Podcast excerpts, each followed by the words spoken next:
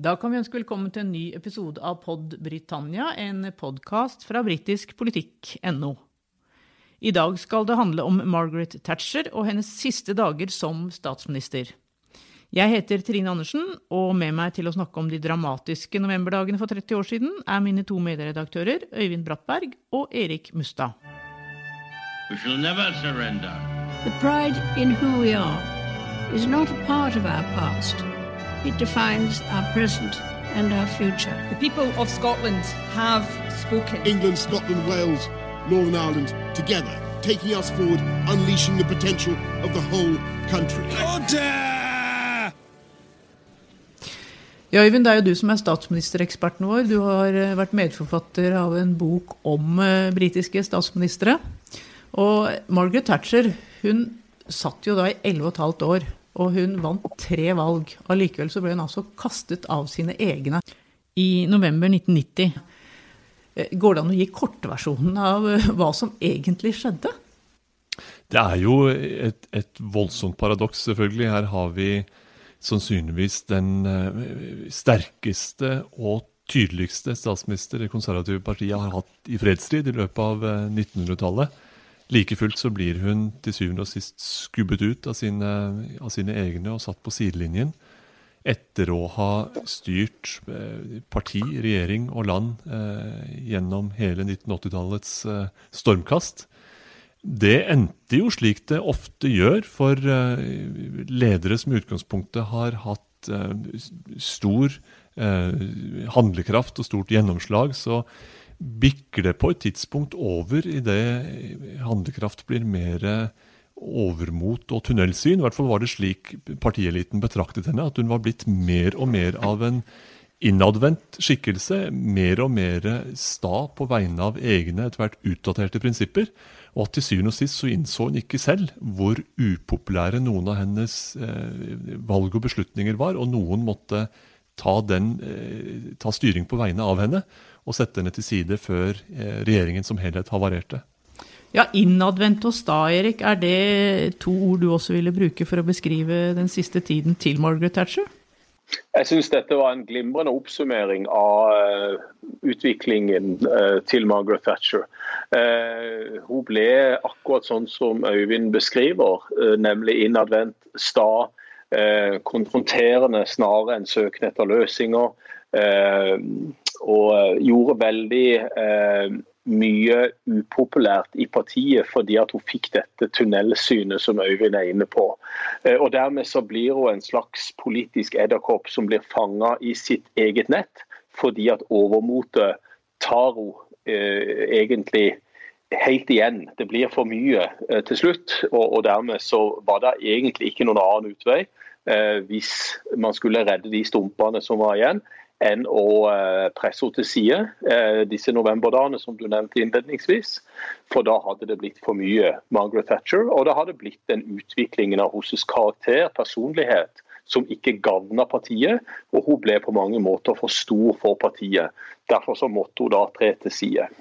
22.11. Så, så, sa, så sa altså Thatcher at nå, nå trekker jeg meg. Men det, det, var en, det, var jo en, ganske dramatisk uke før det. Men det sier kanskje litt om Thatcher og hennes eh, syn på seg selv etter hvert. At da det sto på som verst, så dro hun jo til Paris. Hun, hun dro på et uh, toppmøte for vel å uh, Det var vel et møte som ga et, satte et punktum for den kalde krigen, var det ikke sånn, Øyvind? Ja, og det illustrerer jo Thatchers selvbilde også på dette tidspunkt. ikke sant? Hun er løftet over hjemlig kav og hjemlige intriger. Hun er en stor leder på den internasjonale arenaen. Mens andre partifeller sitter fast i et slags sånn renkespill og prøver å undergrave henne, så er hun hevet over det hele som en, eh, som en romersk keiser, nærmest. Og på det tidspunktet så var hun jo hun hadde eh, satt sin autoritet i spill gjennom eh, dårlig dømmekraft med denne koppskatten, spesielt, the poll tax, eh, hjemme. Og så var det andre store stridsspørsmålet var hvordan Storbritannia skulle forholde seg til EU og de forestående eh, stegene i europeisk integrasjon. På begge de to punktene så, så gikk Thatcher eh, imot eh, flertallet av sine partifeller. Det hadde hun gjort tidligere også, og stått stormen av, kan man si. Men spesielt koppskatten var jo et så kontroversielt tema blant uh, briter, til tross for at uh, Thatcher hadde vunnet mye av folkeopinionen omkring markedsreformer og slikt gjennom 80-tallet. Så gikk det helt på tverke da hun uh, innførte denne lokale beskatningen, som skulle være lik uavhengig av inntekt og eiendom osv.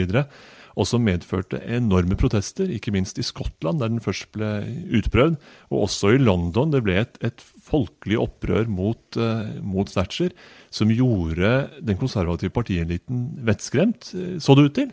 Det var etter hvert en ganske stor avstand tilbake fra de tidlige protestene mot Thatcher på starten av 80-tallet, hvor, hvor, hvor, det var konfrontasjoner hvor øyet så, holdt jeg på å si. Nå hadde man egentlig nådd en likevekt i hvordan landet skulle styres, hvilken retning det skulle ta. Og så kom dette, denne skattereformen, og den, ble, den var i ferd med å, å sende skuta på nærmeste skjær. I hvert fall ble det opplevd slik av en partielite som forgjeves forsøkte å få Thatcher til å lytte. Så det var kanskje det avgjørende avgjørende støtet, men, men, det hadde som tillegg altså at, at uh, Thatcher var blitt så skeptisk til, til, EU, så gjennomgående skeptisk til EU, og uh, innstilt på å blokkere alt hva som nå måtte skje av videre uh, integrasjonsforsøk i, i, Europa, at også der gikk hun på tvers av, av, sitt eget parti. Noe som for øvrig er interessant i dag, når man ser at, at brexit i praksis har på et vis gitt et anerkjennende nikk til noe av det Thatcher representerte. Ja, og det var en mann her som heter Jeffrey Howe òg, som vi må snakke litt om. For, eh, for, han var jo da Først så fikk han nesten sparken av Thatcher som utenriksminister. Så ble han visestatsminister, som vel ikke nesten er noen jobb. I hvert fall ble det jo sett som, på som en degradering. Og han, han trakk seg og holdt en veldig kjent tale i Underhuset. Var det på en måte det som fikk snøballen til å, til å rulle her, Erik? Ja, Det var flere ting samtidig som, som, skjedde som gjorde at eh, snøballen begynte å rulle, og at uh, det gikk så galt til slutt som det gjorde. De to uh, sakene som Øyvind nevner her, er jo den indre og den ytre saken som til slutt feller Thatcher politisk. Uh, denne skatten er jo et godt eksempel på veldig dårlig dømmekraft. Fordi at hun gikk på tvers av alle sine egne her, og på tvers av alle de rådene hun fikk og gjorde de rike enda rikere og de fattigere enda fattigere, som hadde vært gjennomgangsmelodien egentlig fra de første reformene på begynnelsen av 80-tallet. Så, så, denne polltaksen, eller pollskatten, toppskatten, den ble eh, egentlig dolkestøtet når vi så de reaksjonene som kom. Eh, og så var det jo da selvfølgelig også EU og eh, Ho og, og, hele denne eh, Europasaken, eller EU-saken, som, som eh, etter hvert ble så betent at dette her ikke var mulig å fortsette med denne konfronterende linjen mot Brussel. Og i denne talen så oppsummerer vel Ho nokså presist det partiet føler, eh, og regjeringen føler, bortsett fra Thatcher, eh, hvordan hun da eh, styrer denne skuta på både ett og to og tre nokså kraftige skjær etter hvert.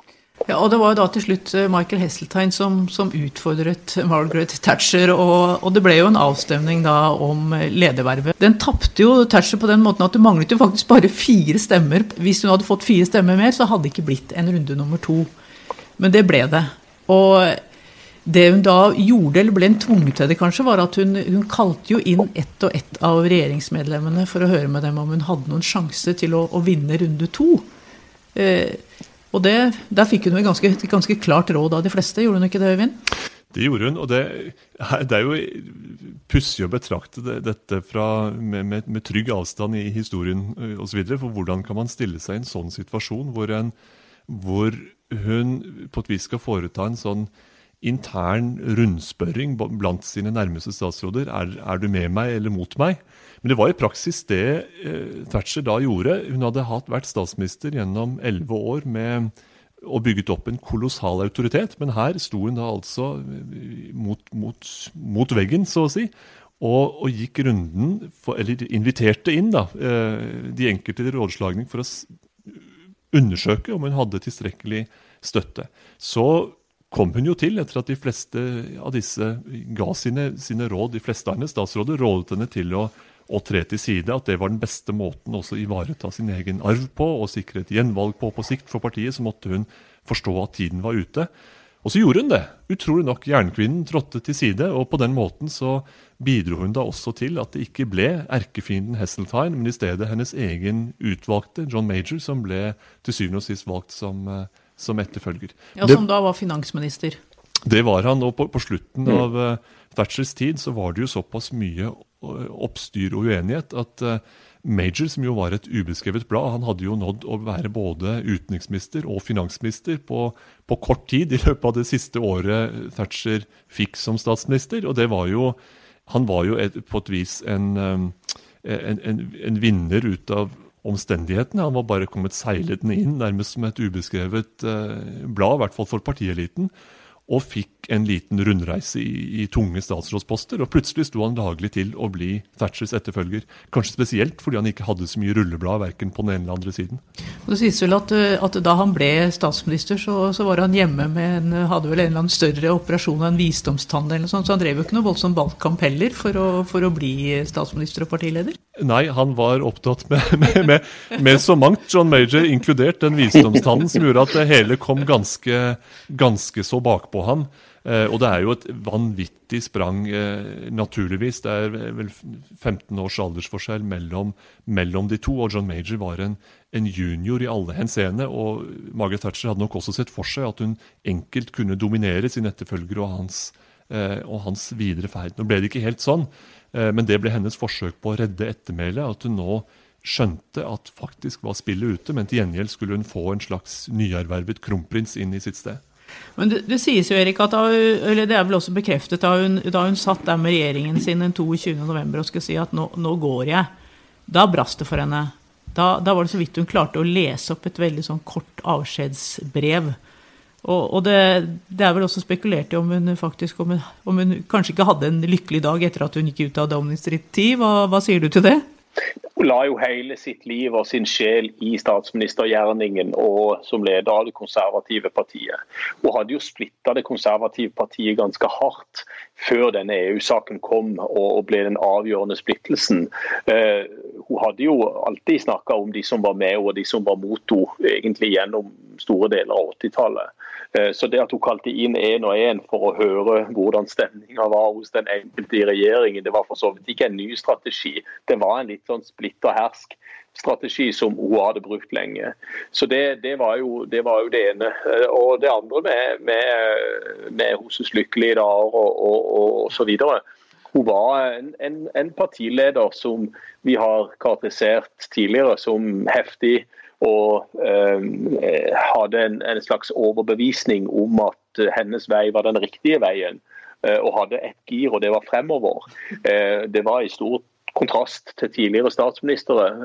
Så dette var ukjent for veldig mange, og det ble da for problematisk på slutten av 80-tallet. Og dermed så var disse også sakene om Michael Hessetines utfordring det, det, ble på en måte symbolsaker som, som gjorde at, at vekten eh, gikk for mye mot den ene siden. Eh, og det var vel kanskje sånn at selv om hun ble baronesse Thatcher og, og ble del av Overhuset i sitt senere liv, at eh, hennes virke som statsminister det var hun sitt liv. Og Dermed så hadde hun kanskje ikke så veldig mange lykkelige dager etterpå. Vi har jo lest biografien hennes The Downing Street Yes, hvor hun på mange måter sier at det, det var ikke så veldig mye å hente etter, etter hun var ferdig som statsminister. Ja, Det er vel nesten bare sak, sak, sak og sak i den biografien, i hvert fall de, i de siste ti årene, er det ikke det? Ja, jo det er det. Og det, og det, blir, det, blir, det blir, på en måte en sånn eh, opp- og nedtur eh, som vi var inne på, som Øyvind nevnte innledningsvis her, at eh, alle disse voldsomme, eh, lange statsministerperiodene. Vi har jo også Tony Blair som, som sitter i ti år.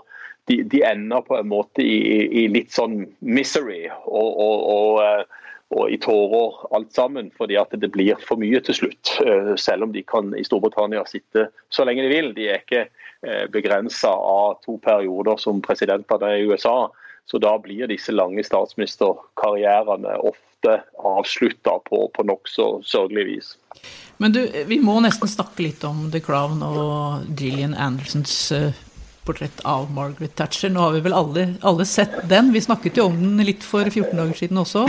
Da hadde vi ikke sett The Crown ennå. Men uh, i The Crown så så, så, er det faktisk en scene der uh, Gillian Anderson sier at 'jeg har ett kort igjen', sier hun etter at hun har snakket med sine regjeringsmedlemmer. Og det å, og hun går til dronningen og så ber hun dronningen om å oppløse parlamentet. Men det skjedde vel ikke, Øyvind? Det skjedde, skjedde ikke, nei. Og det er jo Altså, i, i om, Det er jo omtalt på ymse vis hvordan Gillian Anderson tolker den rollen, og også hvordan manus er skrevet, eh, skrevet for henne. Eh, Margaret Thatcher er en vanskelig figur å portrettere på Eh, på film fordi hun har noen sånn, har noen karikerte kvaliteter som nettopp framstår som veldig karikerte når man skal forsøke å gjenskape de på, på film. Altså den litt sånn stive fremferden og høytidelige, og, og også det utseendet både med med, på den ene og andre måten så virker det litt, litt konstruert. Og det fremstår også litt konstruert. Og, og noen av scenene er eh, beviselig konstruert. Dette med at hun, hun eh, oppsøkte dronningen eh, for, for, å løse altså en intern regjeringskrise gjennom å, å, skrive ut nyvalg. Det ville være konstitusjonelt uhørt om hun hadde gjort det, og hun gjorde det ikke. Og en del av den friksjonen mellom statsministeren og dronningen slik den er framstilt, er, er nok også overspilt, selv om vi ikke kjenner alle detaljer i, i deres mellomværende og hva som ble sagt i de ukentlige møtene dem imellom, så er det noen øyeblikk hvor, hvor, hvor, hvor ting settes på spissen langt mer enn det er grunnlag for å si. Eh, et, et annet eksempel der er jo eh, Falklandskrigen og det, og det møtet da mellom eh, statsminister og, og monark hvor, hvor Thatcher så å si rett og slett forlater eh, møtet fordi hun må rekke en, den seiersparaden for Falklandskrigen, som jo er hennes krig, og, og, dronningen er spilt ut på sidelinjen. Helt slik var det ikke i praksis. Og Det var vel ikke akkurat da sønnen hennes forsvant heller? Det var vel noen måneder senere, var det ikke det? det... Her er det jo bare noen dramaturgiske grep som de har tatt, og det, det er det jo for så vidt eh, full rett til. Men hva syns du om eh, Gillian Anderson, eh, Erik? Syns, kjenner du igjen Thatcher i hennes eh, rolletolkning? Ja da, det gjør jeg. Og akkurat som Øyvind sier, så har hun en del karaktertrekk som er vanskelige å, å spille for en, en, hvilken som helst skuespillerinne. Men det som kanskje jeg reagerte på, var stemmen hennes. Denne litt anstrengte måten å prate på. Den syns jeg var litt for karikert for min del. Og hun snakker kanskje litt seinere enn Margaret Thatcher gjorde da hun, eh, hun, kom på høyden etter hvert. For uh, vi ser en utvikling, en utvikling i Thatchers stemmebruk. Uh, hun var jo også innom Eh, terapeuter for å kunne lære seg å snakke på en annen måte enn det hun gjorde til å begynne med, så hun ikke skulle ha så høy pipende stemme, men at hun lærte seg å legge ned eh, stemmen. Eh, dette gjaldt spesielt i Underhuset, så hun kunne nå gjennom i det rabalderet som vi ofte hører fra, fra Underhusets debatter. Men jeg syns kanskje Gillian Andersens stemme forblir Eh, litt anstrengt. Det er litt mye luft på stemmen til tider som gjør at jeg ikke kjenner igjen helt den. Jeg kjenner igjen noe av vendingene, og sånt, men ellers så syns jeg hun klarer seg veldig godt. Ser på bilder fra, fra regjeringen at hun sitter helt riktig med beina, sånn som Thatcher gjorde. Beveger seg riktig.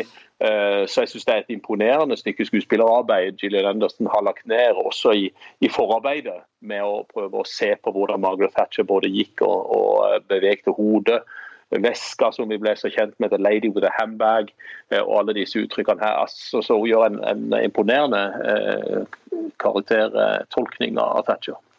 Man får også et, et, et, eh, veldig godt inntrykk av at hun var en, en voksen kvinne, mor og politiker på det tidspunktet hun ble statsminister, i midten av 50-årene, med, med, godt voksne barn og med en litt sånn ja, med, med, allerede langt liv og politikerliv bak seg på det tidspunktet hun blir statsminister. Og Det betyr også at hun, hun, er, eh, hun, hun er, såpass skråsikker som det går an å være når man har eh, sin første, hadde sin første valgkamp ved, ved, krigens slutt, var det vel, og, og førte da valgkamp på Churchills vegne. Og det, dette her er mange, mange år senere. Hun er veldig eh, hun er skråsikker i, i sitt politiske utsyn.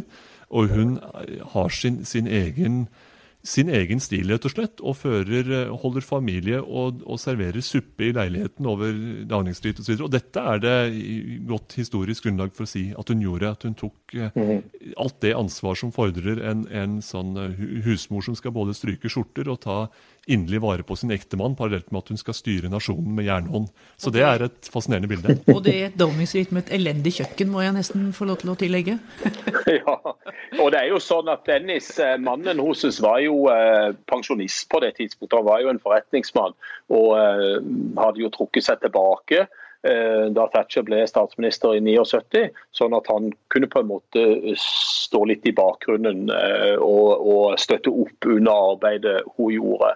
Og Det som er interessant å se på, er jo at den modne politikeren som da kom, eh, til Downing Street i 1979 er jo noe helt annet enn etterfølgeren John Major, som da kom og eh, etterfølger Thatcher i, i 1990, eh, som vi var inne på her. For det blir jo en helt annen type statsminister enn Margaret Thatcher. Og for det konservative partiet så var det godt å få litt ro i rekkene. Det var en kandidat som kom frem i midten, og som kunne eh, bygge litt broer mellom disse fløyene i partiet som Thatcher veldig klart hadde skapt gjennom 80-tallet. Så eh, John Major er jo en, en, helt annen type politiker, og en, ble en helt annen type statsminister enn eh, en Margaret Thatcher. Men han satt i syv år, og det skal vi ikke glemme. Uh, Thatcher satt dog i elleve og vant tre valg, men han vant et valg. Og uh, det tror jeg var, var mer enn det konservative partiet kanskje trodde på da han uh, tok over denne vanskelige oppgaven etter Thatcher. Skal vi helt til slutt forsøke å si litt om arven etter Margaret Thatcher? Hun er jo en av de få som har eh, fått eh, en isme etter navnet sitt, thatcherisme. Og eh, Øyvind var jo litt inne på det her i stad. Han nevnte brexit. og Går det an å si noe om det hadde blitt noe brexit uten Thatcher og den politikken hun sto for? Det er vanskelig å si. Uh, samtidig så var det jo den økonomiske helomvendingen av, av, av britisk økonomi som var hos uh, kjernepunkt. Uh, det å, innføre en veldig sterk markedsliberalisme, trekke staten tilbake, kneble fagforeningene og ikke minst hjørnesteinen av alle hjørnesteiner i den økonomiske omveltninga var jo privatisering av disse industriene som hadde blitt nasjonalisert etter andre verdenskrig. Så eh, hun skulle jo skape også en nasjon av huseiere i Storbritannia. Eh, for alle skulle få muligheten til å eie sitt eget hus. Så den økonomiske politikken, markedsliberalistiske, monetaristiske politikken som hun førte, var nok hjørnesteinen i thatcherismen, eh, for å si det sånn. Og det å redusere offentlig forbruk, redusere eh, staten eh, og størrelsen på staten, og at staten i mindre og mindre grad skulle blande seg inn i, i folks liv. Så det ble jo lite penger til utdanning, til helse, i disse årene med, med Thatcher. Og det, det, gjorde jo at det ble en, en enorm økonomisk oppgangstid, også pga. at konjunkturene i verden gikk oppover mot slutten av 80-tallet, som vi også merka i Norge. Men det var nok den økonomiske politikken som vi først og fremst husker Thatcher for. Og denne delinga som vi har vært inne på tidligere, at eh, rike ble rike og fattige ble fattigere. Er det en analyse du er enig i, Øyvind?